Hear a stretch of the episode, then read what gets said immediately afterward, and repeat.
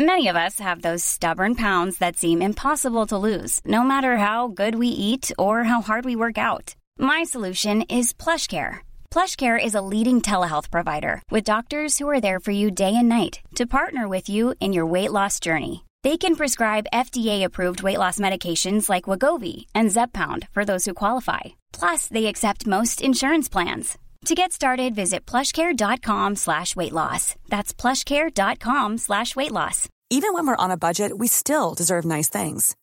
Quince is a place to scoop up stunning high-end goods for 50 to 80% less than similar brands. They have buttery soft cashmere sweaters starting at $50, luxurious Italian leather bags, and so much more. Plus, Quince only works with factories that use safe, ethical, and responsible manufacturing. Get the high-end goods you'll love without the high price tag with Quince. Go to quince.com slash style for free shipping and 365-day returns. Millions of people have lost weight with personalized plans from Noom, like Evan, who can't stand salads and still lost 50 pounds. Salads generally for most people are the easy button, right? For me, that wasn't an option. I never really was a salad guy. That's just not who I am. But Noom worked for me. Get your personalized plan today at Noom.com. Real Noom user compensated to provide their story. In four weeks, the typical Noom user can expect to lose one to two pounds per week. Individual results may vary.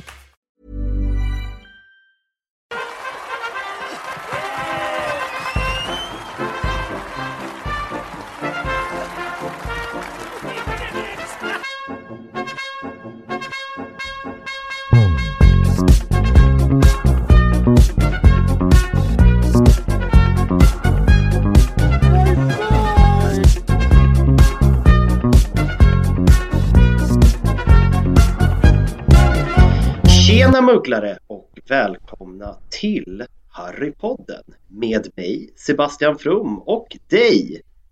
Happy Hagman! Woop woop!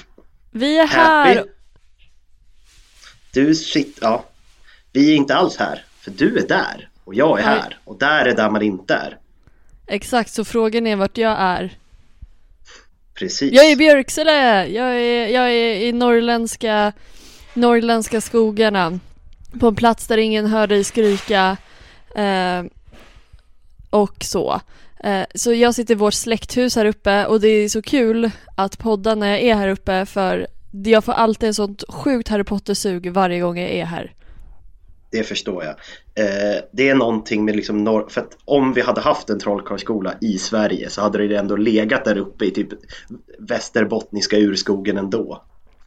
Ja men precis och liksom där jag är där finns det ju liksom inte så mycket människor men det finns mycket skog och mycket berg och liksom så här, det är ju drömplatser för både feer och drakar och troll liksom. Ja, nej, det är ju inte långt till ett bergatroll. Nej men precis och lite så här, jag försöker ju desperat hitta en stövel som råkar vara en portkey. Så att du bara levereras någonstans mystiskt. Ja och liksom, men det ser inte bra ut i byn när jag går in i folks farstuar och rör alla deras stövlar liksom. Det är inte optimalt. Nej, det är inte så toppen. Mm, så jag är tokfia.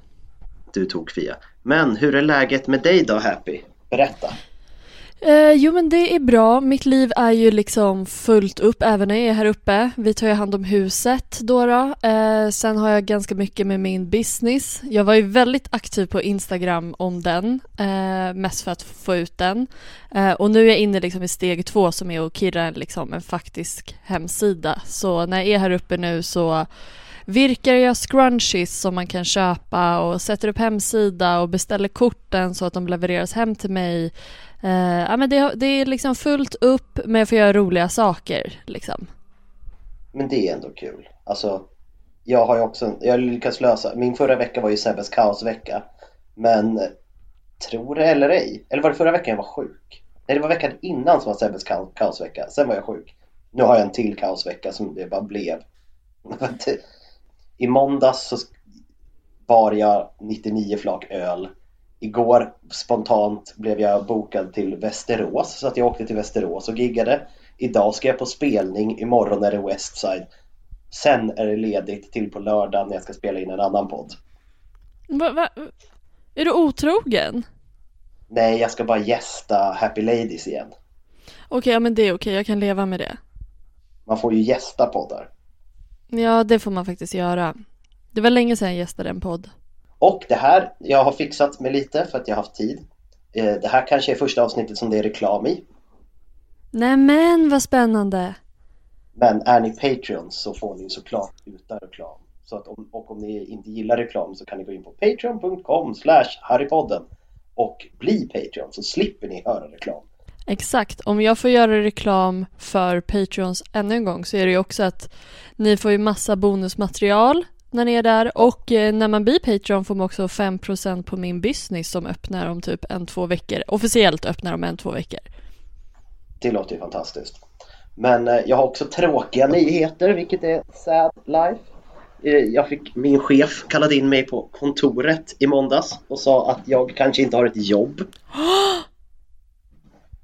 Sebbe har blivit sparkad. Vet, vet du varför? Alltså är det på grund av någon brist? För jag vet att det har varit snurrigt med du vet, din chef och hela arbetssituationen liksom. Det handlar om eh, pengar. Men det har startat en liten konspirationsteori bland mina kollegor att eftersom jag är facklig och det är ganska kaos på min skola så har jag bråkat väldigt mycket med rektorn och liksom du måste lösa det här. Arbetarna mår inte bra. Så att eh, det finns många som tror att hon vill bli av med mig. Så det är lite spännande.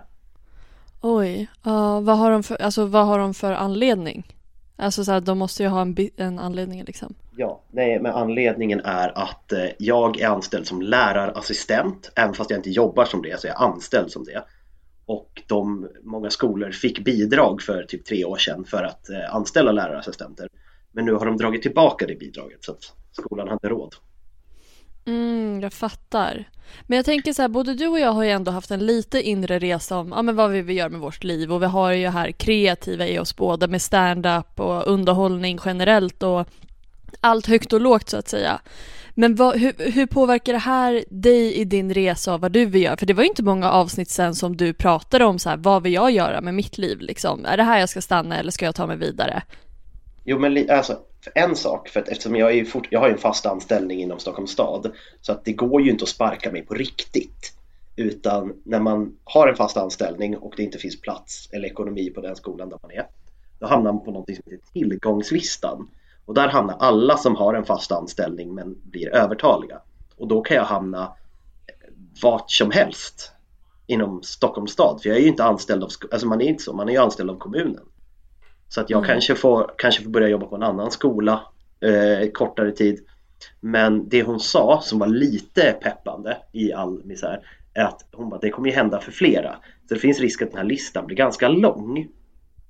Och, då, och när man hamnar på den listan då får man 80% av lönen och man, som, att, eh, som att man är arbetslös. Men man behöver inte söka jobb för att det är liksom i rull. Så då kanske jag får 80% av min lön för att kunna jobba med allt mitt annat. Det hade varit rätt soft. Nej men alltså skojar du? Alltså det är ändå så här, även om det är jättetråkigt såklart och man vill ju, det påverkar ju ändå inkomsten även om det är nice med 80% liksom så mm. ändå nice. Förhoppningsvis, alltså om man får det att rulla så är det bara nice. Ja men verkligen. Då kan jag, jag har ju bara, då kan jag starta en till standupklubb om jag vill istället för bara två. Ja, eller hur? Varför ha två när man kan ha tre? Exakt. Men så det, det, är lite, det är lite upp och ner. Som sagt, jag fick reda på det i måndags och jag har inte riktigt hunnit landa i om jag tycker att det är, en, att det är jobbigt eller att det är bra. Jag har inte liksom förstått än, tror jag. Och det, vi satt och hade möte idag eftersom jag sitter i ledningsgruppen, eftersom jag är facklig. Och det, det, det känns så töntigt för att alla vet om det, eh, för att jag har sagt det till alla. Men då ska man prata, när man pratar om tjänster så pratar man inte om namn utan man pratar om procent och anställning. Och det finns bara två lärarassistenter på skolan. Men de pratar, vi ska dra ner lärarassistenter 200% men vi tänker inte prata om namn. Man bara, fast alla vet. Så det var lite, ja. det var ett stelt möte men det var lite kul för att vi har också en annan biträdande som jag inte behöver ha att göra med. Men hon är också väldigt special och när vi sitter här och det är jättestel stämning. Hon bara, jag tycker att vi ska lägga till en punkt på listan på alla de här mötena där vi het, som vi kallar för fira framgång. Där vi tar upp saker som faktiskt fungerar, saker som är bra. Och då har du liksom gått igenom det. Det var några lärare som hade skrivit en lång skrivelse om hur stressigt det är och att de får för lite tid. Så att alla är jättemissnöjda och så sitter hon där, men vi ska tänka positivt och alla bara, det kommer vi inte göra. Nej. Ja men det är svårt och vi är också så här jag fick upp en så här en video jag bara gud vad jag har bara väntat på en sån här video liksom som var så här är du mellan 25 och 33 och känner dig vilsen i livet och vet inte vad du vill jobba med och du trivs kanske inte på det jobbet du är på och du kanske förlorar vänner eller klipper band och allting bara förändras och du inte vet vad du ska göra. Den här videon är till dig. Och det känns som att det märks så himla Om vi tänker när podden började och vad du Mm. och jag är nu generellt. Och det är inte bara negativt. Men liksom det märks så mycket att vi båda är så här wait what's going on? Verkligen. Så här, podden går bra, stand-upen går bra, men det är så mycket annat i livet också. Som, så det går ju upp och ner. Det gör det ju. Ja, ja och vi är ju, ingen av oss är ju på en punkt just nu där vi liksom helhjärtat kan satsa på vissa saker som vi vill satsa på, även om vi kan få in någon slant här och där i podd och stand-up och sånt där. Vi är ju liksom i en situation där vi behöver ta oss igenom och jobba med saker både som vi kan trivas med så kanske inte är vår dröm men också kanske ta oss igenom saker vi inte är så sugna på. Nej men precis, så det är väl det. Jag, jag, jag måste landa i vad jag vill göra ännu mer. Mm. Men, men jag tror också eftersom vi har haft den här diskussionen både du och jag ganska mycket.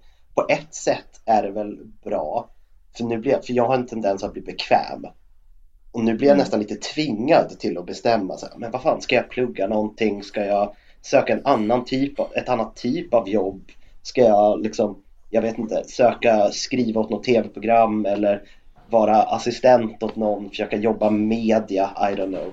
Någonting sånt. Det är, så jag blev lite så puttad ut över kanten Mm. på något sätt. Ja men precis, och jag tror att vi är ju ett umgänge både med varandra men också människor runt omkring där vi verkligen kan få inspiration av vägar att gå för att hamna Mm. dit vi vill. Eh, jag har verkligen börjat gå i de tankarna. Eh, vi, får, vi får ha en brainstorming session du och jag. Det får vi verkligen ha. Brainstorming, vad ska vi göra med vårt liv? Ja, men alltså goals känner jag bara. Och Sebbe, jag måste också säga till dig, nu är det här en vecka för sent, men grattis på ettårsdagen. Grattis på ettårsdagen, happy! Vi har klarat oss i ett år. Det har gått bra. Folk gillar oss fortfarande. Folk, ännu fler gillar oss än för ett år sedan. Ja, gud ja. Och jag kommer ihåg första gången vi bara nådde så här 50 lyssningar på en dag eller 100 lyssningar på en dag liksom. Aj, det, det, vilken resa. Verkligen. Nu har vi våra 13 goa Patreons. De får fantastiskt content. Vi kommer tjäna en extra slant på lite reklam. Det, det rör sig framåt. Ja, och tack alla, ja, och tack alla som eh, gav oss kärlek på vår Instagram-post eh, där vi firade ett år. Eh, och om man vill in och lägga ett hjärta får man gärna göra det eh, på Happy Hagman. Nej, det är jag. Fan förlåt, reklam för fel person. Eh, Harrypodden på Instagram heter vi precis som podden heter. Så gå in där och stötta oss. Ja. Men till, vad ska vi prata om idag Happy? Jag tror att det kan bli ett ganska långt avsnitt idag, i alla fall enligt mina papper. Ja, men det, det kan det nog bli. För vi har ju glidit in på liksom min icke-trygga zon och, och eh, Sebbes specialitet av nörderi. Vi ska ju prata om ministeriet och dess departement. Så jag tror att Sebbe, när vi pratade om Fred och George höll du mycket låda, eller höll jag mycket låda och du var liksom standby. Nu blir det ju liksom tvärtom. Precis. Så att jag tänker att, eh, och jag har faktiskt för din skull, men också för lyssnarna, alltså man skulle, man skulle ju kunna göra ett avsnitt om typ varje departement om man bara ville. Men nu har jag liksom ett stycke av varje departement. Liksom vilka underdepartement det finns och vart det ligger. För att jag tänker ändå, alltså många som lyssnar har ju ändå lite koll. Alltså om jag säger liksom eh, aurorer så vet ju ni lyssnare oftast vad en aurora är. Så att då kanske vi inte behöver nörda ner oss 20 minuter i exakt vad en aurora är bara, bara när vi pratar om aurorkontoret. Tänker jag. Mm. Men med det sagt, om det är någonting av det som jag eller Happy säger idag som ni tycker att Gud, det där skulle jag vilja höra mer om så får ni jättegärna skriva till oss. Så ser vi till att kanske göra ett Patreon-exklusivt eller ett vanligt avsnitt där vi fördjupar oss i just det ämnet. Exakt, det tycker jag också är bra för för mig, jag är inte lika insatt i departementen till exempel. Så jag kanske har någonting som Sebbe tar upp och bara det där det, departementet borde vi lägga, vi kanske tar vår topp fem och liksom bara djupdyker. Eh, så bra tänkt min gode kompanjon. Yes. Men ska jag kasta mig rakt in i mitt, eh, mina 13 sidor kronälska talmanus? Absolut. Jag fattar inte hur jag hade åtta sidor om Fred och George och var stolt och du har liksom 13 om ett jävla hus under jorden. Precis. Men då, eh, Trolldomsministerium, vi börjar lite allmänt så här. Trolldomsministerium är oftast det styrande organet i flera olika länder. Alltså alla trollkarlsländer har någon typ av styrande organ och just Trolldomsministerium är det vanligaste. Och det är oftast att det styrs av en trolldomsminister eller liknande som är folkvald. Och de, en av de, största, de två största grejerna som de jobbar med är att upprätthålla lag och ordning och att hålla trollkarlsvärlden separat från mugglarvärlden. The Statue of Secrecy. Secrecy. Och i, vad heter det, i, i just England, där vi kommer gå in, det brittiska departementet, är liksom, där är det så att ministeriet är regeringen. I andra länder verkar det vara lite fram och tillbaka om det är liksom en separat del, men där är det så. Och det användes, för tidigare innan det fanns ett ministerium så fanns det ett Wizards Council som föregick ministeriet. Men om vi går in på ministeriet i England. Det är som sagt, det styr över England, Skottland, Wales och Irland och liksom har koll på den magiska gemenskapen i, då, i Storbritannien. Och de, det handlar om att upprätthålla lag och ordning, hålla på regler och eh, liksom lagar runt om i trollkarlsvärlden och se till att folk har det bra helt enkelt. Och högkvarteret ligger under H.M. Treasury-byggnaden och Whitehall i centrala London fast långt, långt ner under jorden. Och som jag, som jag nämnde, ministeriet bildades 1707 som en efterträdare av The Wizards Council. Och det var liksom Wizard Council tillsammans med International Federation of Wizards som tillsammans bestämde att vi ville ha, som vi har pratat om tidigare, de, försökte, de styrde upp väldigt mycket på 1700-talet. Det känns som det var väldigt löst innan. På 1700-talet började de tänka vi behöver ha lite styrande organ. Och det handlar ju också om att eh, 1692, alltså bara några år innan, så antog man ju Statue of Secrecy. Och därför tänkte man att istället för att vi har liksom ett råd av trollkarlar vill vi ha mer som en regering som har koll på allting. Och lagarna, och då, även så här lagar om eh, magianvändning av minderåriga togs upp under den här tiden, hur trollstavsanvändning och liksom regler runt det. Och, men först och främst för att upprätthålla sekretessen. Och i många länder, till exempel så Norge, Frankrike, Tyskland och Bulgarien hade man sina egna ministerier. I USA är det lite speciellt för där har de ju The Magical Congress som verkar vara lite mer som Wizards Council fast bättre uppstyrt. Och som sagt, det bildades 1707 med, med hjälp av den tidigare Chief Warlock från Wisengamot. För Wisengamot förekommer ministeriet. Det var en del av Wizards Council. han hette Ulrik Gamp och han blev också den första trolldomsministern. Hans mandatperiod varade mellan 1707 och 1718. Ganska kort. Alltså för att ha varit med i matchen ett tag tycker jag att det är ganska kort. Mm. Men han hade en ganska tung uppgift att eftersom innan det här så hade, liksom, eftersom det inte fanns någon Statue of Secrecy så var det liksom mer mugglare som hade koll, folk var lite mer galna i sitt magianvändande. Så att jag tror att han blev väl utbränd på de här 11 åren av att liksom, det var ju han som fick styra upp allting. Men det han är mest känd för, förutom att vara den första trolldomsministern, var också att det var han som startade The Department of Magical Law Enforcement. You're a wizard, Harry. I'm a what? A wub wizard.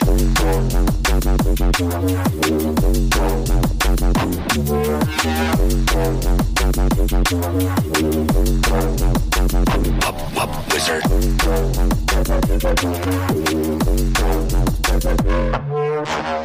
År 1717 bestämde då ministeriet att banna de eh, oförlåtliga förbannelserna. Det var också en sån där tidig grej som de passade på att göra.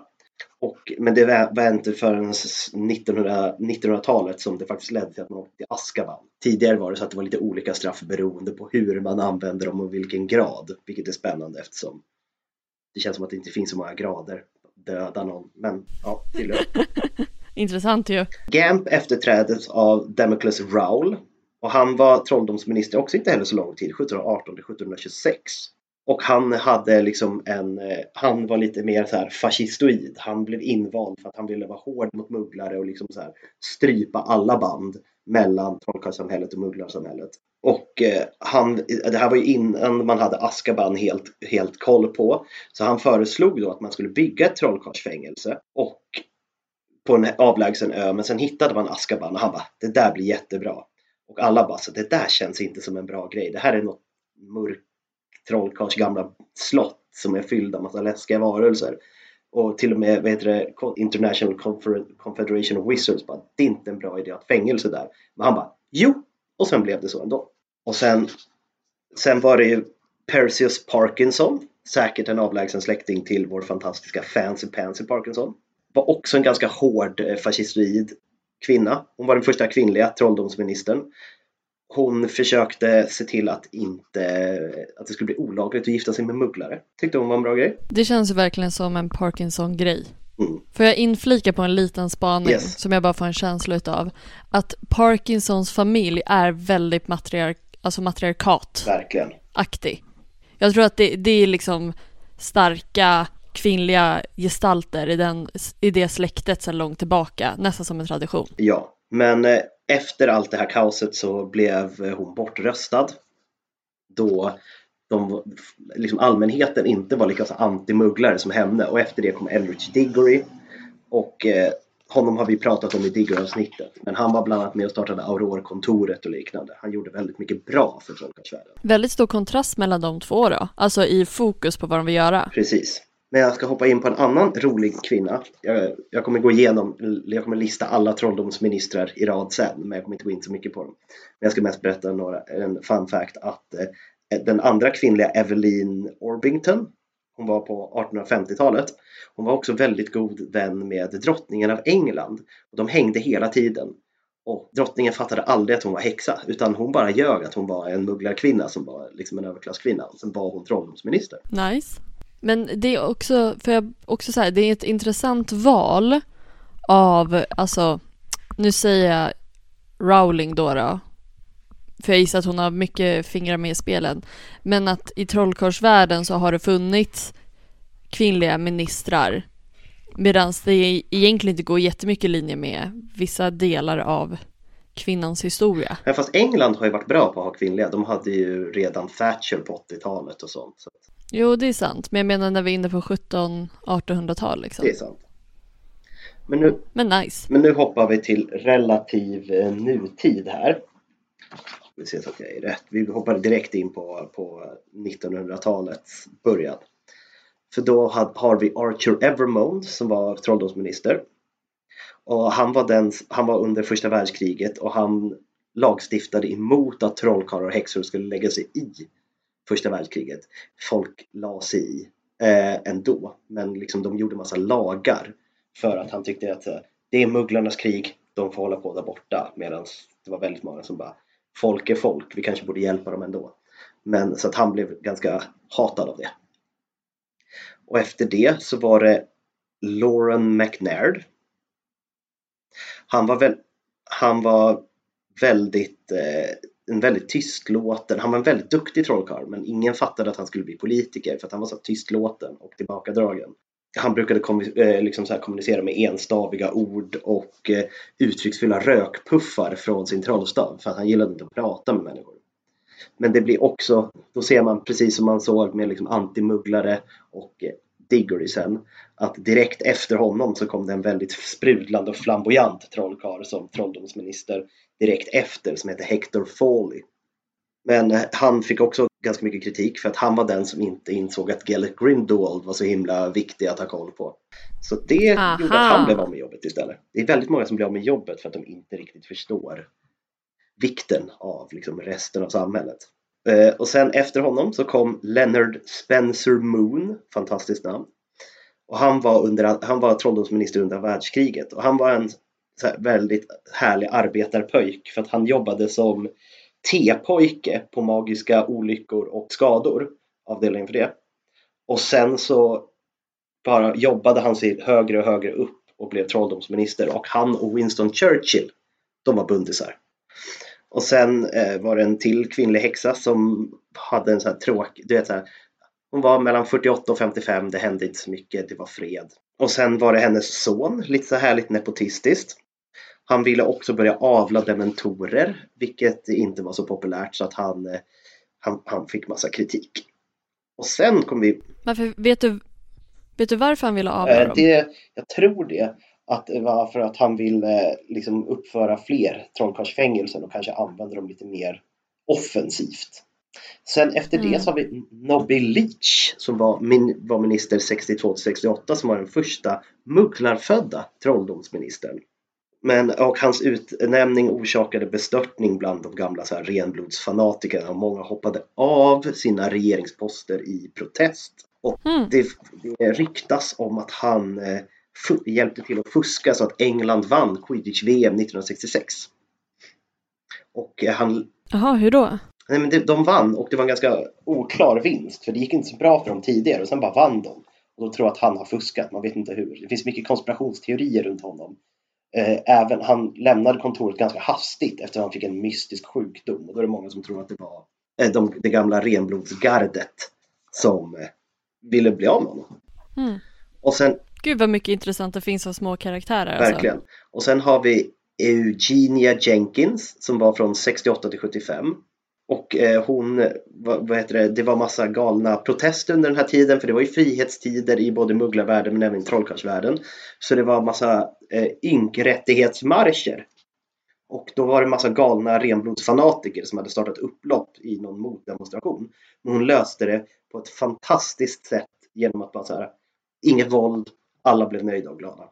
Men sen där på 60-talet så kom ju, eller, 60, eller senare ut på 70-talet så kom det ju en liten trollkarl som hette Lord Voldemort.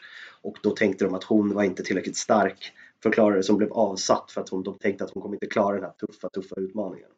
Och sen var det, sen var det Harold Mitchum som var mellan 75 och 80.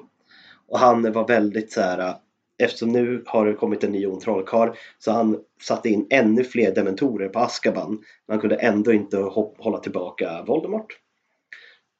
Och sen har vi den sista som jag kommer nämna för att de andra två har vi rätt bra koll på och gått igenom tidigare. Sen har vi Millicent Bagnold som var minister 1980 till 1990. Och han är känd att vara en väldigt kompetent minister. Och han var tvungen att stå till svars för Eh, till International Confederation of Wizards för antalet brott mot The Statue of Secrecy som hände under natten och dagen efter eh, Harry Potter dödade Voldemort för första gången. För då var det ju massa trollkarlar som var ute och firade och sket i en massa lagar. Och, när han svarade, han blev frikänd och med de ökända orden Jag hävdar vår omistliga rätt att festa You gotta fight for your mm. right to party var ungefär det han sa. Underbart. Och sen strax före hans pensionering så var det ju rykten om att Albus Dumbledore skulle ta över men det blev det ju inte.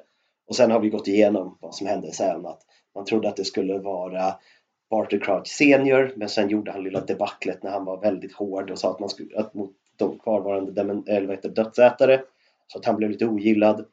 Och sen var det en till som inte heller kunde och sen blev det Fudge och det har vi gått igenom i Fudge och Umbridge avsnittet.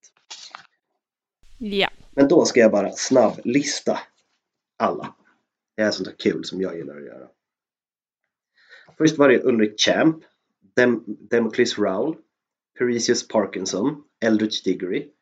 Sen Albert Boot, Basil Flack och sen Hephaistos som också var den första auroren.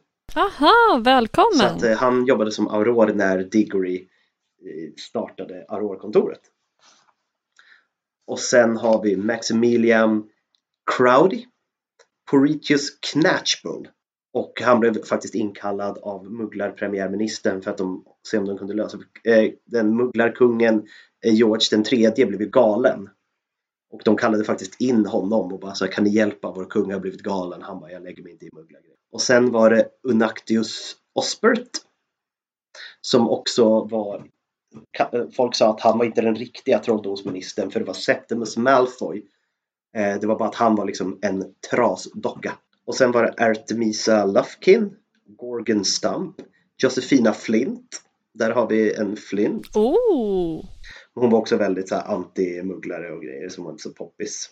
Eh, och sen har vi Ottalin Gamble på 1820-talet som var den som kom på att vi borde ha ett tåg för att ta de eleverna till Hogwarts. För att det var så bökigt innan med alla typer av transportmedel. Otta Linn, var, alltså är det en kille? Eller, för du sa att det bara var två tjejer? Nej, eller, eller var det tjej? Nej, det är flera tjejer. Jag sa att det var den andra tjejen som jag nämnde ah. tidigare. Det har varit väldigt många. Ah. Otta Linn, kanske kvinna. Came up with det står faktiskt inte. Eh, så... Nej, det låter väldigt så här äh, brett namn. Alltså att det kan vara väldigt neutralt. Sen har vi ett till, till känt namn, Rodolphus Lestrange. Och då är det inte den, inte den Rodolfo som vi tror, för det här är också på 1800-talet. Eh, han försökte stänga ner eh, Department of Mysteries. Men eh, det lyckades inte. Mm -hmm. Och sen Hortensia Milliford. Ev Evelyn Orpington. Priscilla DuPont. Åh, bra namn. Mm, verkligen. Dougald MacPhail har vi nämnt tidigare för att det var han som initierade nattbussen. The Knight Bus. Just det. Ferris Spavin. Han var den som var längst faktiskt. Han var från 1865 till 1903. Starkt. Vensuvia Crickley. Och sen Arthur Lever Evermont som vi nämnde. Lorcan McLaird, Hector Foley. Och sen Spencer Moon, Taft, Tafts barn, Mugglaren och sen fram till, ja, sen och efter som, vi har ju pratat om Fudge och sen är det Scrimger och sen är det ju Pythicknees som typ inte riktigt räknas för att han var under Imperiusförbannelsen av dödsätarna. Och sen var det ju Kingsley och sen Hermione som är idag. Eller vad man ska säga. Och det var lite historia om ministeriet. Nu ska jag gå in på lite mer hur, hur det ser ut. Åh, vad mysigt! Mm. Ministeriet eh, anställda, eh, alltså de som jobb, alltså trolldomsministern är vald men majoriteten av de andra som jobbar där både på politiska poster och på vanliga poster är inte valda.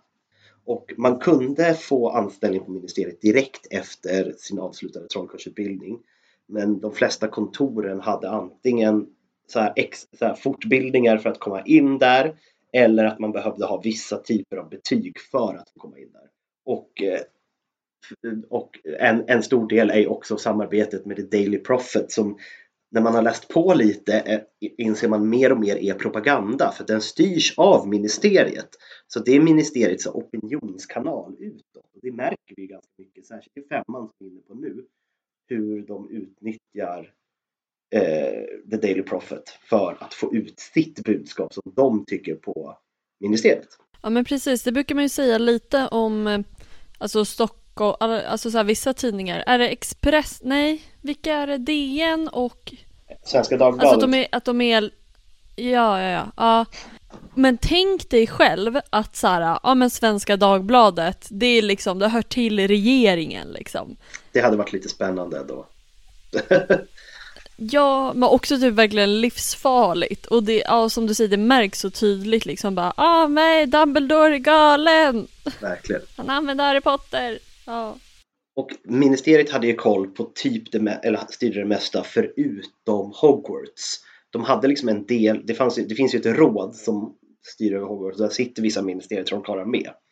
Men att de kan till exempel inte straffa eh, elever och de hade inte rätt att typ så här, ha, ha att göra med, med undervisningen eller ens konfiskera deras trollstavar om de inte hade liksom på riktigt begått, begått något brott. Nej, det närmaste av det, det är väl typ Umbridge. Alltså när det kommer till eh, lägga sig i undervisningen och sånt där. Precis, men det var ju ett tappert försök ändå. Mm. Och som sagt, den enda som är eh, vald är trolldomsministern. Resten blir liksom valda av regeringen eller av de som jobbar där eller anställda. Och ministern, ministern och all stödpersonal runt är på nivå 1 av ministeriet. Det är tio våningar och jag tror att man kommer in där på våning 7 eller 8. Jag kommer till det sen. Man kommer inte in på våning 1. Ah, okej. Okay. Ja, så du menar att för, typ för de som har sett filmerna då, då när de går där och kommer in eh, via bras, eh, via eh, ja, brasorna, ja. alltså eldgrejen. Mm. Eh, det, det, är liksom inte våning ett Nej. då? Okej. Okay. Men som sagt, eh, ministern har ändå ganska mycket makt. Både med, via sin kontakt med liksom, The International Confederation of Wizards, mugglar trolldomsministern, är också alltid en ledande roll i Wisengamot som jag också kommer gå in på lite mer vad det är. Eller han är ordförande, ministern blir automatiskt ordförande för Wisengamot som är ju typ en blandning av en, vad ska man säga, en, en domstol men de är också lagstiftande så det är också som en regering. Eller en riksdag. Mm. Och som sagt, det, för, förutom de kontor som finns under Voldemorts eh, marionettregering så inhystes på våning 1 då också kontoret för eh, heter Muggleborn Registration Commission och det upplöstes mm -hmm. och kasserades direkt efter kriget. Men det är liksom så här, en liten side-note i att det har också funnits där. Mm. Men som sagt, det finns sju avdelningar på ministeriet som har underavdelningar och den största är Department of Magical Law Enforcement. Och alla svarar under den, alltså den är liksom typ det högst bestämmande organet. Alla utom Department of Mysteries står liksom under Magical Law Enforcement. Och varje avdelning hade en nivå av departementshögkvarter tilldelad. Även om brottsbekämpning inte bara hade nivå 2 utan också rättssalarna på nivå 9. Så alla har en våning förutom de som har två. Det fanns också många mindre kontor inom avdelningen, alltså underavdelningar som ingick informellt i rangordningen baserat på dess storlek och upplevt betydelse av högre tjänstemän. Så att vissa ställen var det coolare att jobba på eller bättre att jobba på än andra beroende på vad allmänheten tyckte var bra och hur stort det var. Liksom. Som man ser Arthur Weasley, han, det är bara han och en snubbe till och det är därför han har ett pissigt jobb. Mm. Och det kanske också är saker som inte märks av så jättemycket för resterande i trollkarlsvärlden liksom. Precis. På samma sätt som andra delar. Och eh, det är också så här, det var väldigt vanligt att man bara så här, för att man inte ville ge någon mer lön men ville peppa dem lite så bara flyttar man dem från ett mindre kontor till ett större kontor och kallar det för befordran. Ja, det där kan man ju se i den vanliga världen också ganska mycket. Mm. Idag ska vi äta pizza! Och eh, de skickar ju vad heter det, interdepartementala brev via eh, vad heter det, pappersflygplan.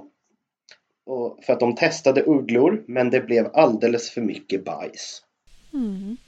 Okej, okay, men som sagt det ligger i hjärtat av London.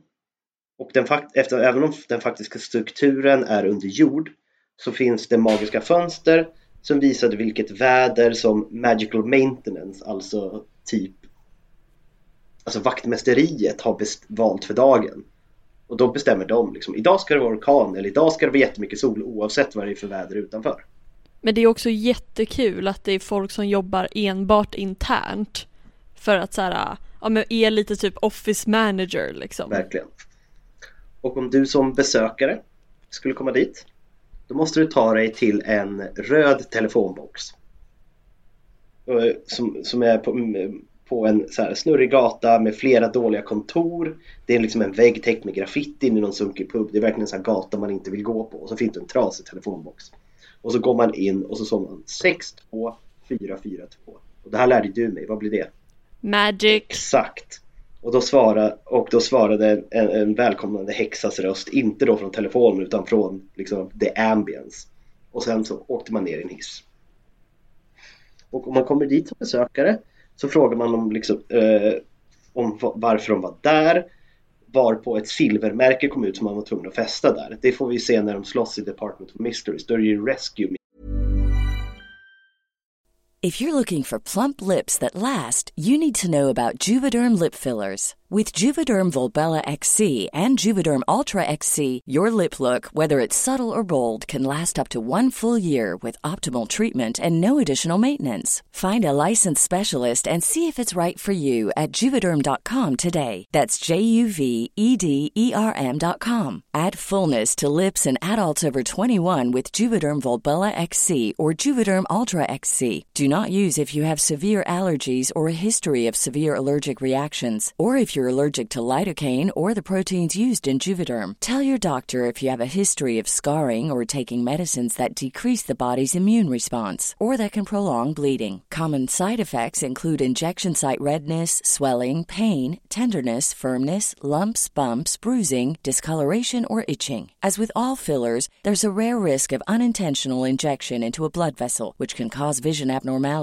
blindness, stroke, temporary scabs, or scarring. For full important safety information, visit juvederm.com. I'm Sandra, and I'm just the professional your small business was looking for. But you didn't hire me because you didn't use LinkedIn jobs. LinkedIn has professionals you can't find anywhere else, including those who aren't actively looking for a new job but might be open to the perfect role, like me.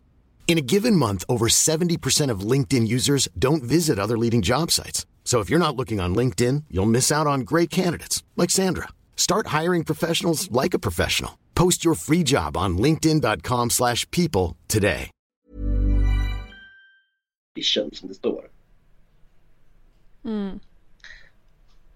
Och, och, och så kommer man till The Atrium, alltså det är liksom, vad ska man säga, det, ja, där fontänen är, liksom det allmänna rummet. Och det är på, som jag sa, sju eller åtta, det är på åtta. Och där finns det jättemånga eldstäder som används för anställda att ta sig till jobbet. Och golvet är polerat mörkt trä. Taget, taket är påfågelblått med gyllene symboler som rör sig runt. Och sen finns det ju The Fountain of Magical Brethren som var halvvägs ner. En grupp med gyllene statyer föreställande en trollkarl, en häxa, en kentaur, en svartalv och en husalv. För att påvisa liksom de största raserna eller vad man ska säga. Mm, precis, och som vi har sagt innan, liksom trollkarlen är störst. Exakt. Och i slutet av eh, liksom The Atrium så finns det en uppsättning gyllene portar och en säkerhetsställning. Där, fanns det ofta, där satt oftast en kille som hette Eric Monk. Han registrerade besökarnas trollstavar och så fanns det portar och hissar och olika sätt att ta sig överallt. Men då, nu ska vi gå på alla våningar. Våning 1 som, vi nämnt, som jag nämnde tidigare, där är alla kontor för Magic för ministern och all hans personal, alltså the Magical Support Staff.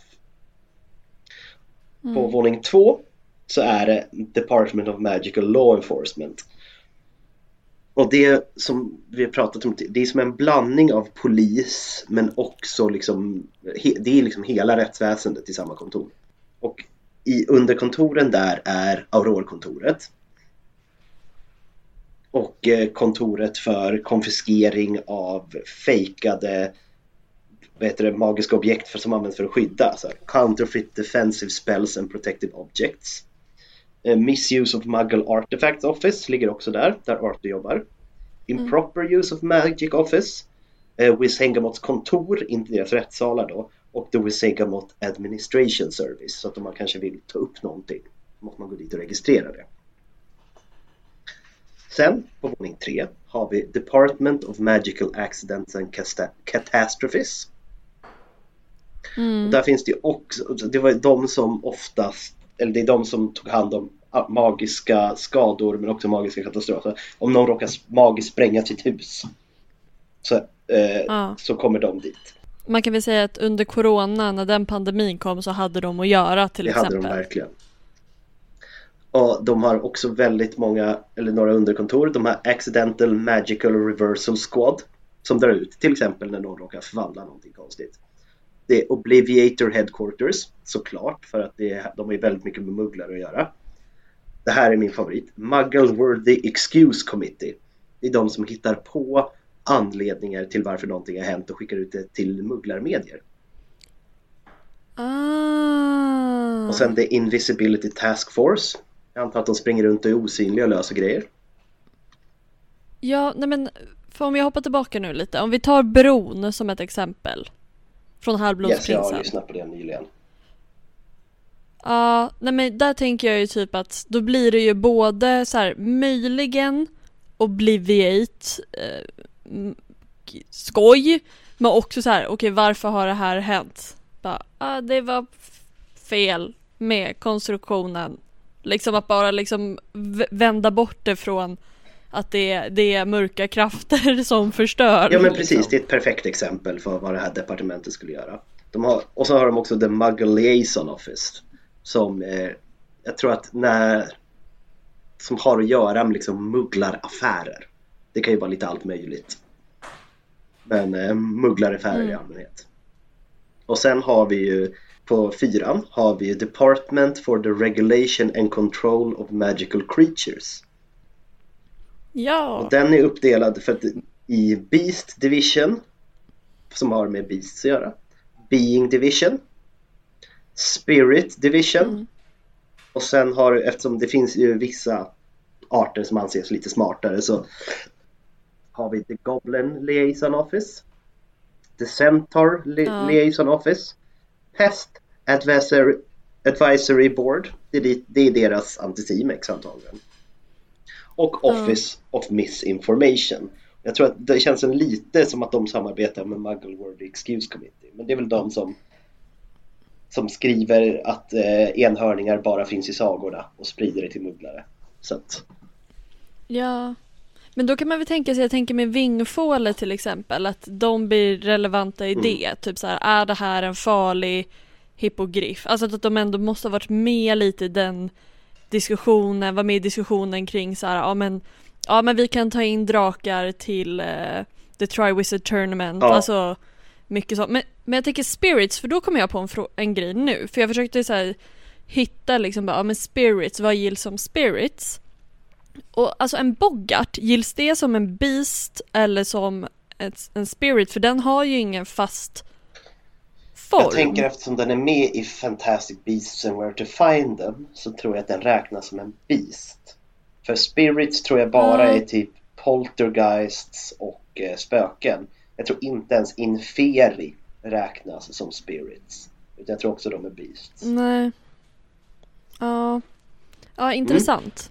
För jag förstår ju också så här, det är ju inte som ett spöke, men det är fortfarande en väldigt Alltså den är svår att kategorisera. De måste ha jobbat ganska hårt för att kategorisera alla mellandelar Ja, liksom. men och sen nu är vi på våning 5. På Department of International Magical Cooperation. Känsla UD, Utrikesdepartementet. Eh, och det är som sagt det är de som har koll på alla både politiska men också publika samarbeten med andra länders trollkarlar.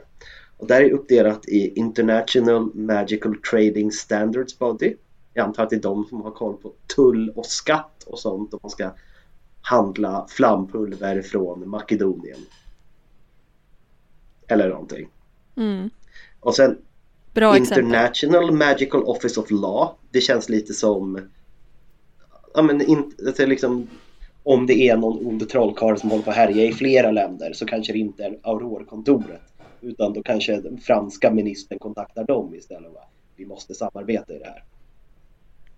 Ja, jag tänker väl, det, jag gissar att det finns en del lagar som är eller regler och förhållningssätt och lagar som går lite hand i hand. Exempelvis typ så här, ja men ska man kunna transferera sig direkt från England till Frankrike eller behöver man ta kan, får man använda flampulver till det eller behöver det finnas något annat sätt så vi vet lite hur folk rör sig? Precis, och det tror jag att Cooperation har koll på. Och sen är det International Confederation of Wizard the British Seats. Så att de brittiska trollkarlarna som sitter liksom i internationella kommittén har sina kontor där. Europaparlamentet känsla. Sen nu har vi kommit till våning 6.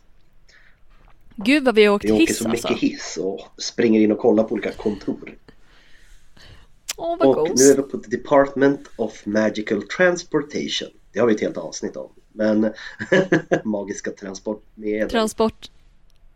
Ja, vi rekommenderar starkt att lyssna Verkligen. på det. Och där har vi Flu Network Authority. Det är de man kontaktar om man vill lägga till eller ta bort sin eh, öppna spis från The Flu Network. The Broom Regulatory Control. Port Key Office men och också Apparition Test Center. Och det är väl en, därifrån mm. Trollkarlen kommer ut nu i sexan när de ska göra sina apparition tests. Han jobbar ju där och åker ut i skolorna.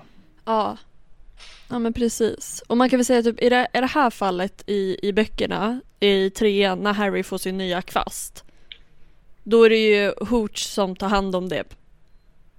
Men man kan väl tänka sig att så här, det finns ett förhållningssätt, för du tog upp det här med kvastar mm. och allt det där. Ja men se så här, de, de, det finns för förhållningssätt kring kvastar, hur man testar dem, vart de lämnas in om de inte funkar och alltså allt det där. Och sen, nu är vi på våning sju.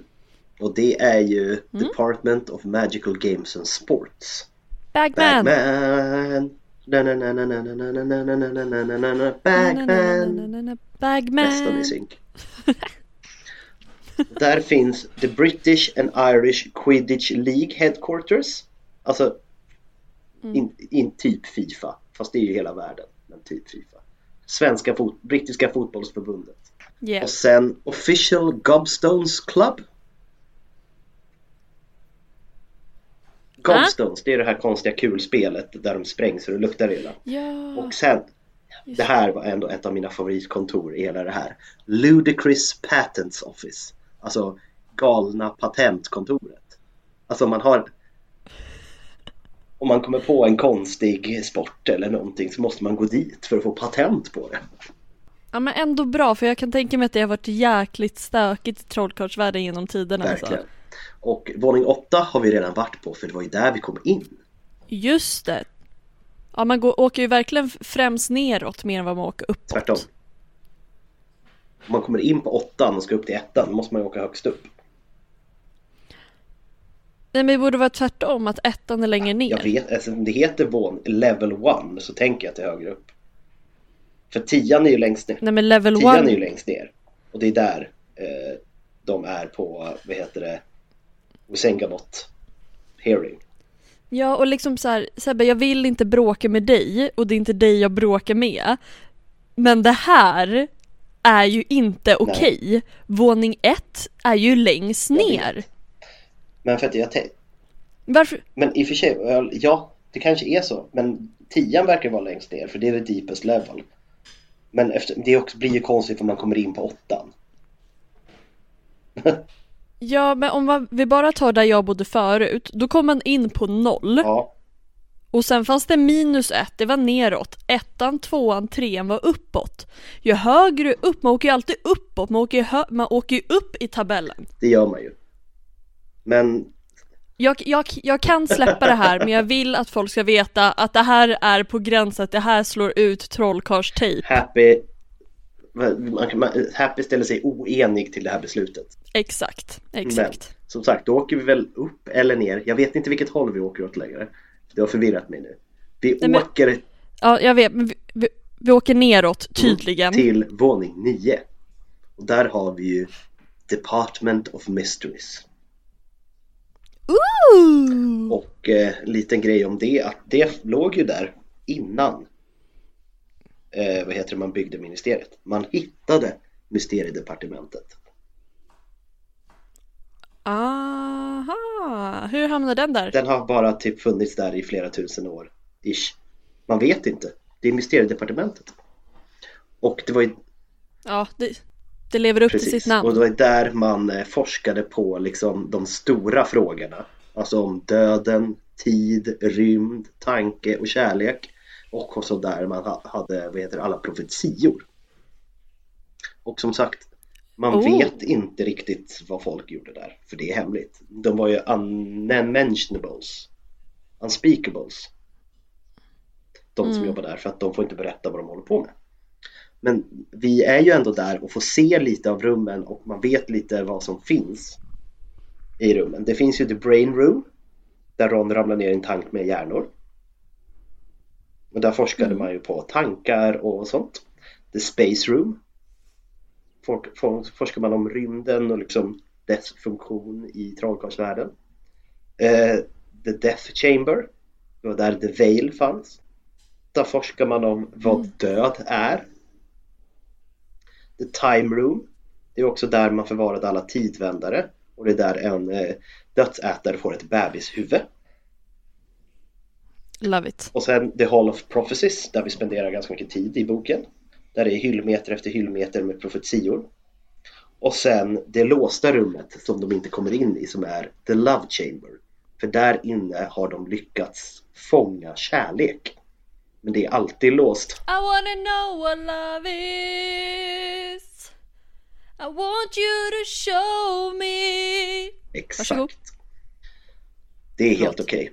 Och sen har vi bara en våning kvar. Och eh, den kan man inte komma till med hiss utan man måste till mysteriedepartementet som är längst ner på våning 9. Och sen måste man ta en trappa ner till våning 10 och där finns det massa förhörsrum och eh, rättegångssalar som används av Zengamot. mm. Där har vi ju varit i både bok och film Precis. väl? Men det finns lite andra eh, delar av ministeriet som inte riktigt nämns vilken våning de är på.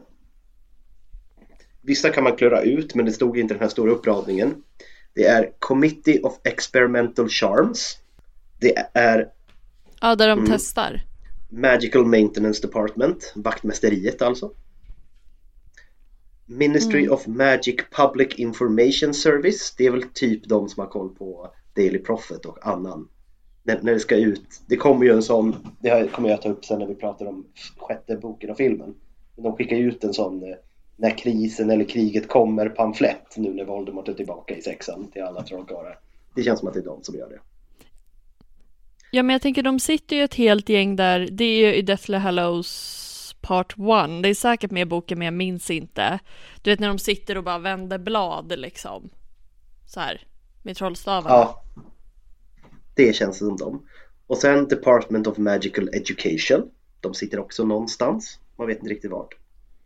Eh, Very important members of section MITRX. Mm. Oj. Det är också en mystisk, det är en massa viktiga trollkarlar som sitter och håller på. Och sen, det här är en, un, ett, måste vara ett underdepartement till Magical Education för det är the Wizard Examination Authority. De som kommer se till att folk gör sina prov och liksom har koll på alla betyg. Men det känns ju lite nationella proven-vibe Ja. över det där. Typ nu ska vi testa våra skolor som egentligen bara är Hogwarts. Liksom. Yes. Eh, Ministry of Magic Research Committee. Mm. Och sen den här, den var också temporär men det var Ministry of Magic Exploding Bonbons Disposal Unit. Det var någon som hade skickat ut massa exploderande praliner så att de behövde starta en helt egen departement till dem. Oj, vad han, när, när den här personen blir gammal sitter fra, för, framför ba- brasan med barnbarnen och berättar ja nu ska ni få höra Verkligen, så här, hans bästa story. verkligen. Och sen Foreign Affairs and Sports Department. Det, den borde ju ligga under Magical Corporation tänker man, så det gör den säkert. Men som sagt, det finns ju inte bara i Storbritannien utan det nämns några andra länder som har eh, trolldomsministerium. Så jag tänker bara köra en liten snabb genomgång. Burkina Faso av alla ställen. I Afrika alltså. Kina, Bangladesh, Indien, Iran, Japan, Mongoliet och Pakistan nämns att de har. Och i Europa så nämns det att Andorra, Bulgarien, Frankrike, Tyskland, Italien, Liechtenstein, Norge, Spanien och Transsylvanien har. Får jag bara inflika där då? Jag tänker i och med att Norge har, jag kan ju, och vi har ju pratat lite om det här både så här vad, alltså att eh, drakar och väsen mycket mer norrut om eh, alltså Durmstrang, att det hade legat i Sverige eller liksom i norra skogarna på, alltså i bergskedja Ja. Jag kan tänka, ja men precis att det är ett sjukt samarbete mellan typ Sverige och Norge i alla fall. Jag tror att då, alltså gränsen där är så svag i trollkarlssammanhang att liksom vi hade ju haft som vårt egen lilla eh, alltså haft ministeriet tillsammans nästan för att vi, berör samma saker. Om jag får hitta på lite nu så tänker jag att eftersom Mm. Norge och Sverige var ju samma land fram till typ 1900-talet, tidigt 1900-tal.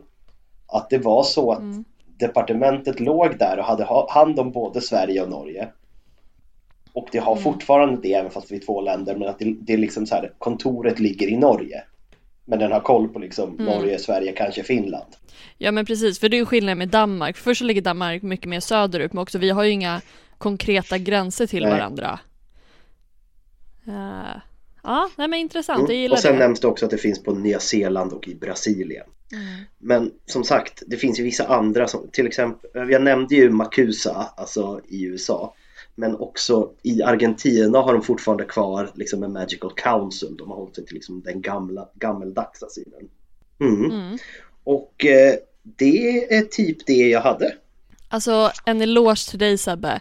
Och jag kände när vi pratade om det att jag finner det, när du berättar om de här olika departementen, jag finner det väldigt intressant. Så jag, om ni som lyssnare tyckte också att det var väldigt intressant att lyssna på Sebbes förklaring om ministeriets olika departement, säg till, för då så kan vi verkligen djupdyka. Yes.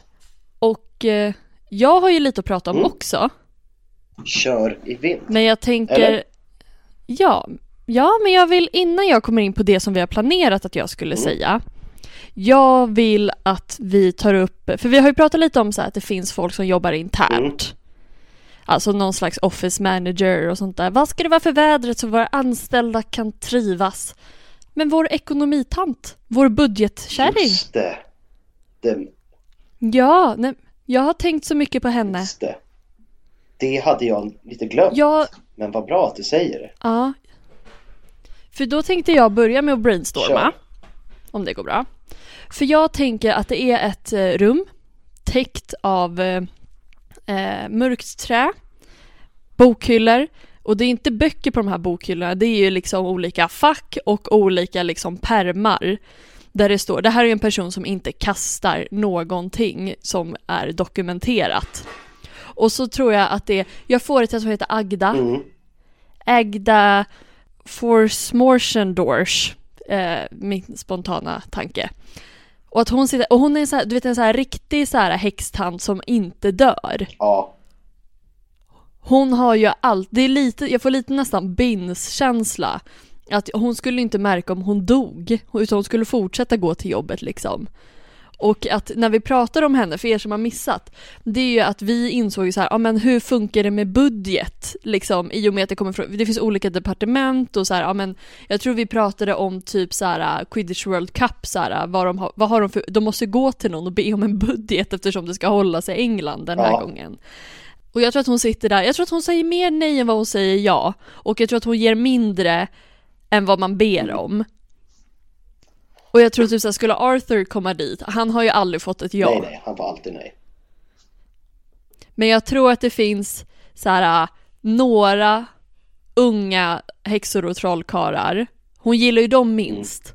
Jag tänker ju yngre, så här, nej men ni förstår inte det här.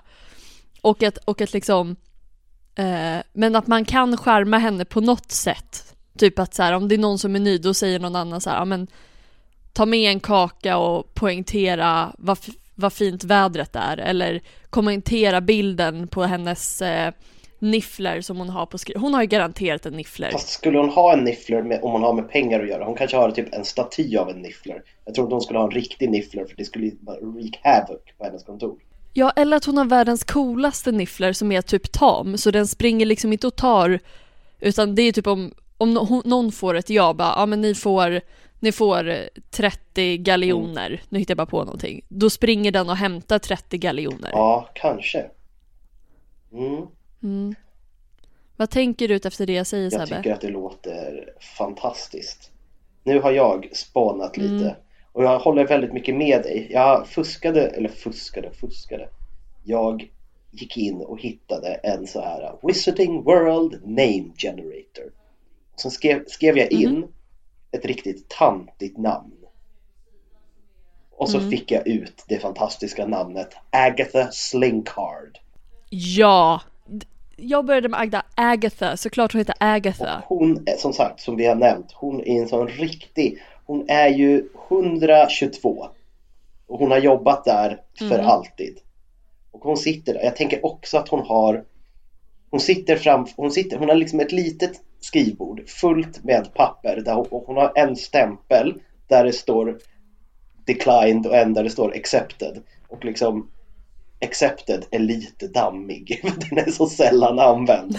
Och bakom, bakom Ja. henne så är det bara en stor ståldörr där det är liksom till bankvalvet. Och sen sitter hon där. Hon kanske har en liten staty, jag går ändå med på en staty av en niffler. Och så har hon massa sådana här påsar med, eh, som, som, Hermi- som är förtrollade att de kan hålla hur mycket som helst. Så att om någon kommer Mm. så, så tar det, det tar ju också, eftersom hon är så gammal, det tar ju också väldigt lång tid. Så att det är så här, man måste gå Mm. dit och sen lyckas man. Okej, jag behöver två, jag behöver liksom så här 20 000 galjoner nu. För att jag ska, vi ska importera drakar. Och, eh, och hon bara, okej, du får, du får inte 20, du får 15 000. Och bara, det räcker, då har hon redan ställt sig upp långsamt. Och rör sig, och den här dörren gnisslar ju.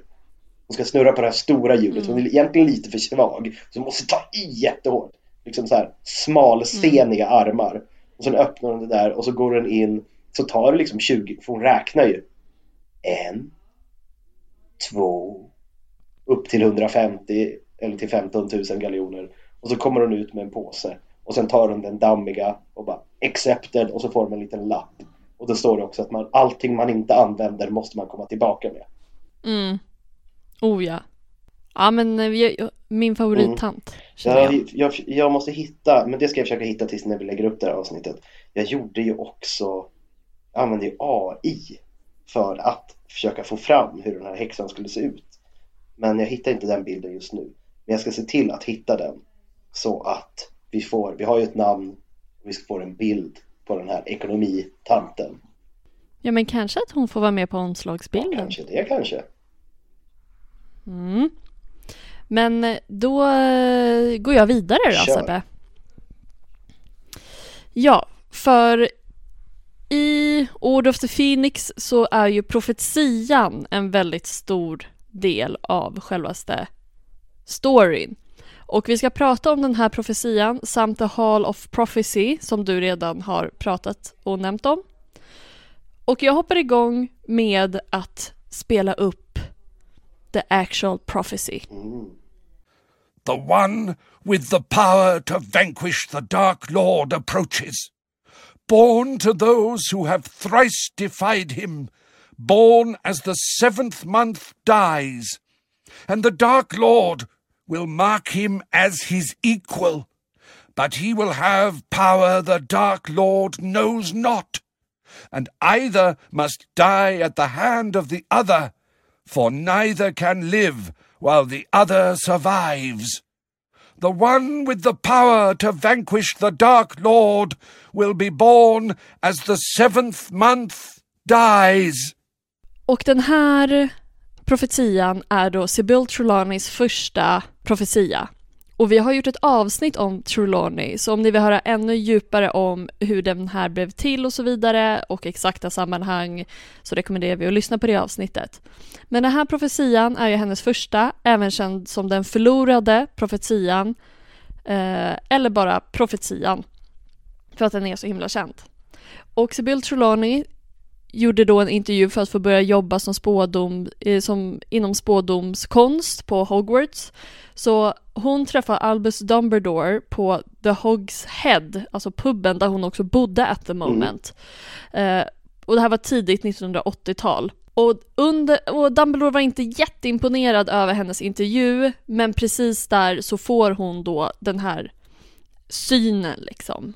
Eh, och börjar babbla, babbla papegoja liksom på bästa möjliga sätt.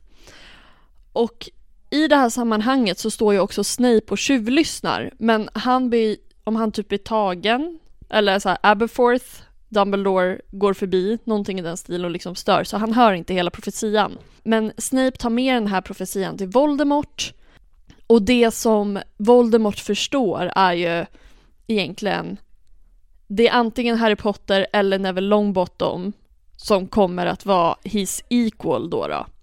Och han väljer då Harry Potter delvis för att Vol- Voldemort och Harry Potter båda är halvblod medan Neville är helblod och att han känner att Harry och han har lite mer, eh, Han, sa, han såg mer av sig själv i Harry innan han ens träffar honom. Så det är självaste liksom, bakgrunden kring profetian. Det är Sibyl Trelawney som säger den till Dumbledore, Snape överhör, Voldemort får höra om den. Han är den som egentligen väljer Harry. Sen kan man filosofera jättemycket om om det hade blivit samma sak om man hade valt Neville, alltså att det är slump, eller om det här var liksom som att man visste från början eh, att det skulle bli Harry. Inte att Sibyl Trelawney visste det, men att typ om det fanns en gud och ett öde så var det här mm. ödet. Mm. Och när den här sägs så blir det här då en profetia som läggs in in the hall of prophecy.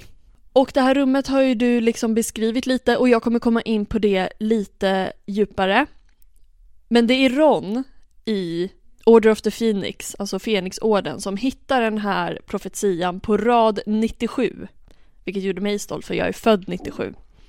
Och på den så står det SPT 2 APWBD Dark Lord and frågetecken och sen står det Harry mm. Potter. Och SPT står ju då för Sibyl Patricius Trelawney, att det är hon som har sagt den. Och APWBD står för Albus Percival Wolfric Brian Dumbledore. Och frågetecken... Det är han som har hört den. Exakt, det är han som har hört den. Eh, så man markerar liksom alla profetier på det här sättet. Och sen frågetecknet var för att ja, man visste inte ännu vem det var det handlade om och sen har Harry Potter skrivits dit. Mm. Och, det, och, det är ju, och det här skedde efter Voldemort föll 81, det vill säga när han mötte Harry i eh, Potterhuset. Men The Hall of Prophecy det är ju ett rum i The Department of Mysteries, alltså mysterier på nivå 9 som du berättade om. Och det är alla profetier som någonsin har sagts och de är märkta på det sättet som jag beskrev innan med vem som sa det till vem, vad det handlade om och så vidare. Och tyvärr så var det väldigt många som förstördes under när, alltså när Dumbledore, en del av Dumbledores armé åkte till ministeriet, alltså kriget vid ministeriet då, då, eller Department of Mysteries. Och jag tror i alla fall att i filmen, jag tror att det var samma i boken om det inte var Luna i boken, så är det Ginny i filmen i alla fall som kör Reducto! Och då så börjar alla de här profetiorna falla ner. Ja. Eh, så tyvärr är det många som är förstörda. Och det här skedde då 1996.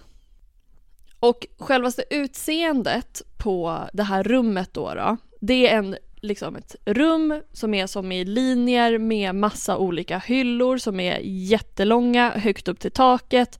Och för att man ska komma hit så måste man gå igenom tidsrummet. Och det här rummet då, då uh, Hall of Prophecy, är alltså ganska kall kammare.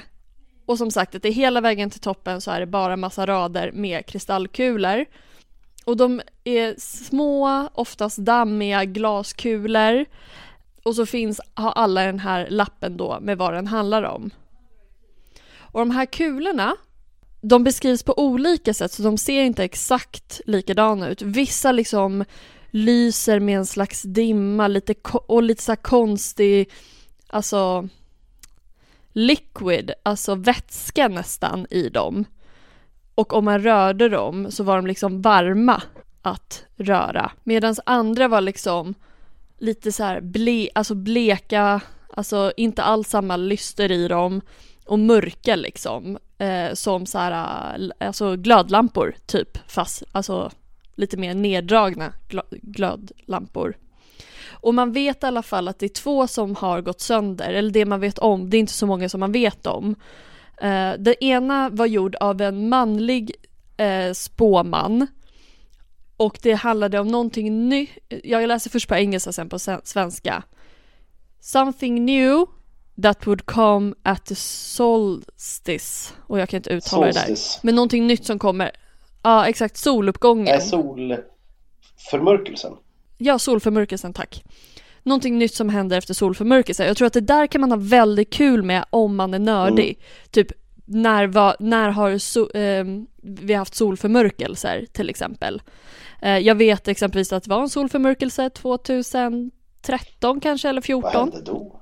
Var det, ja men då tänker jag typ, när var det Hermione satte som eh, eh, Minister of Magic? Alltså, och var det någon innan kriget? Så jag tror man kan nörda ner sig på det där. Eh, och den andra var av en kvinnlig spåtant och var om None will come after something unknown. Så inget kommer komma efter någonting som vi inte vet vad det är. Och den kan man ju också lite lätt koppla till så här ah, None will come after. Det kan ju vara att inget, alltså ingen ond kommer komma efter Voldemort. Det kan vara exakt vad som helst. Den kan också vara jättegammal och vara helt irrelevant vid det här laget. Verkligen. Men det är, ja, och eh, man kan väl säga att profetian är ju jätteviktig. Den här profetian som eh, Sibyl Trelawney gör, den är ju jätteviktig både för hennes karriär, eh, för de goda och Dumbledore och Harry. Men den var också så viktig att inte hamna i fel händer och det har vi ju redan pratat lite Mm. om. Och de, eh, Voldemort försöker få tag på den här, eh, lyckas halvt via Harry. Eh, men Neville, på ett bra sätt, råkar av misstag ta sönder den. Ja. Och det var folk ganska fine med i efterhand. Ja, det var ju bra i slutändan. Mm. Och det var det. Det var det. Men eh, Mm. då kanske vi ska med de orden säga att vi har varit här i podden. Om ni gillar oss får ni jättegärna följa oss på Instagram där vi heter Harrypodden. Och som jag nämnde tidigare, nu är det bästa läget att bli Patreon. Jag släpp, det släpptes nyligen ett 9 och 3 kvart och i veckan kommer det släppas ett till där jag berättar om Lund som jag lite teasade om i förra avsnittet. Om ni gillar mig så får ni följa mig på Instagram. Det heter en riktigt bra pinne. Där lägger jag upp pinnar och när jag giggar och lite annat. Och så kan man följa dig, Happy Hagman, på Happy Hagman med två N. Och sen kan man också följa ditt nya projekt Just for you cards. Stavas som det låter med punkter Exakt. emellan varje. Exakt, så där säljer jag i nuläget främst olika ge bort-kort för födelsedagar, bröllop eller något man behöver ge till någon som förtjänar lite extra kärlek. Eh, man kan även köpa virkade scrunchies, eh, jag gör eget papper man kan beställa, mycket olika smått och gott saker helt enkelt. Och jag har faktiskt kommit på en ny idé som ska läggas in i det och det är ju för alla våra fantastiska boknördar där ute såklart bokmärken. Eh, så, så vi jobbar på det. Ehm, Det är ju fantastiskt. Mm. Och, och om man gillar humor så har jag två standupklubbar. Westside Comedy och Svartsnö ståuppklubb. Westside kör varje torsdag. Ni får jättegärna följa på Instagram. Och samma sak Svartsnö fast vi kör varje söndag på Snövit.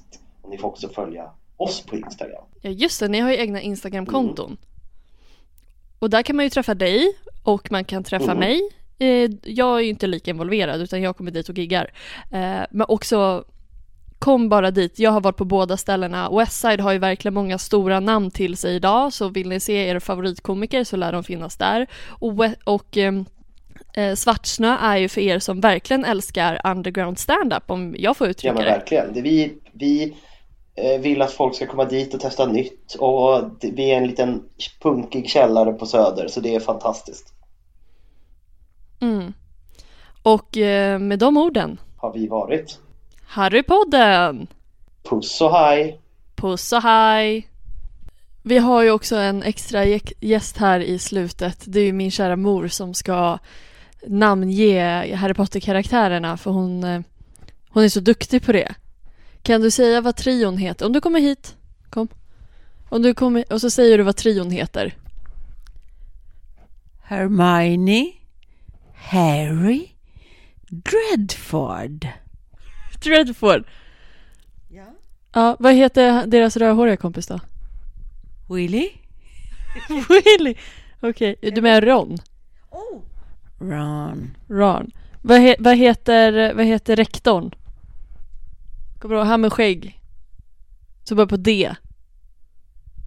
Nej, nej, nej. den får det. Den får det? Dumbledore. Dumbledore, just det. Just det, ja men nu kan du gå. Det var det här jag behövde. Hej Sebbe. Jag var tvungen att göra det där. Ja. Ja.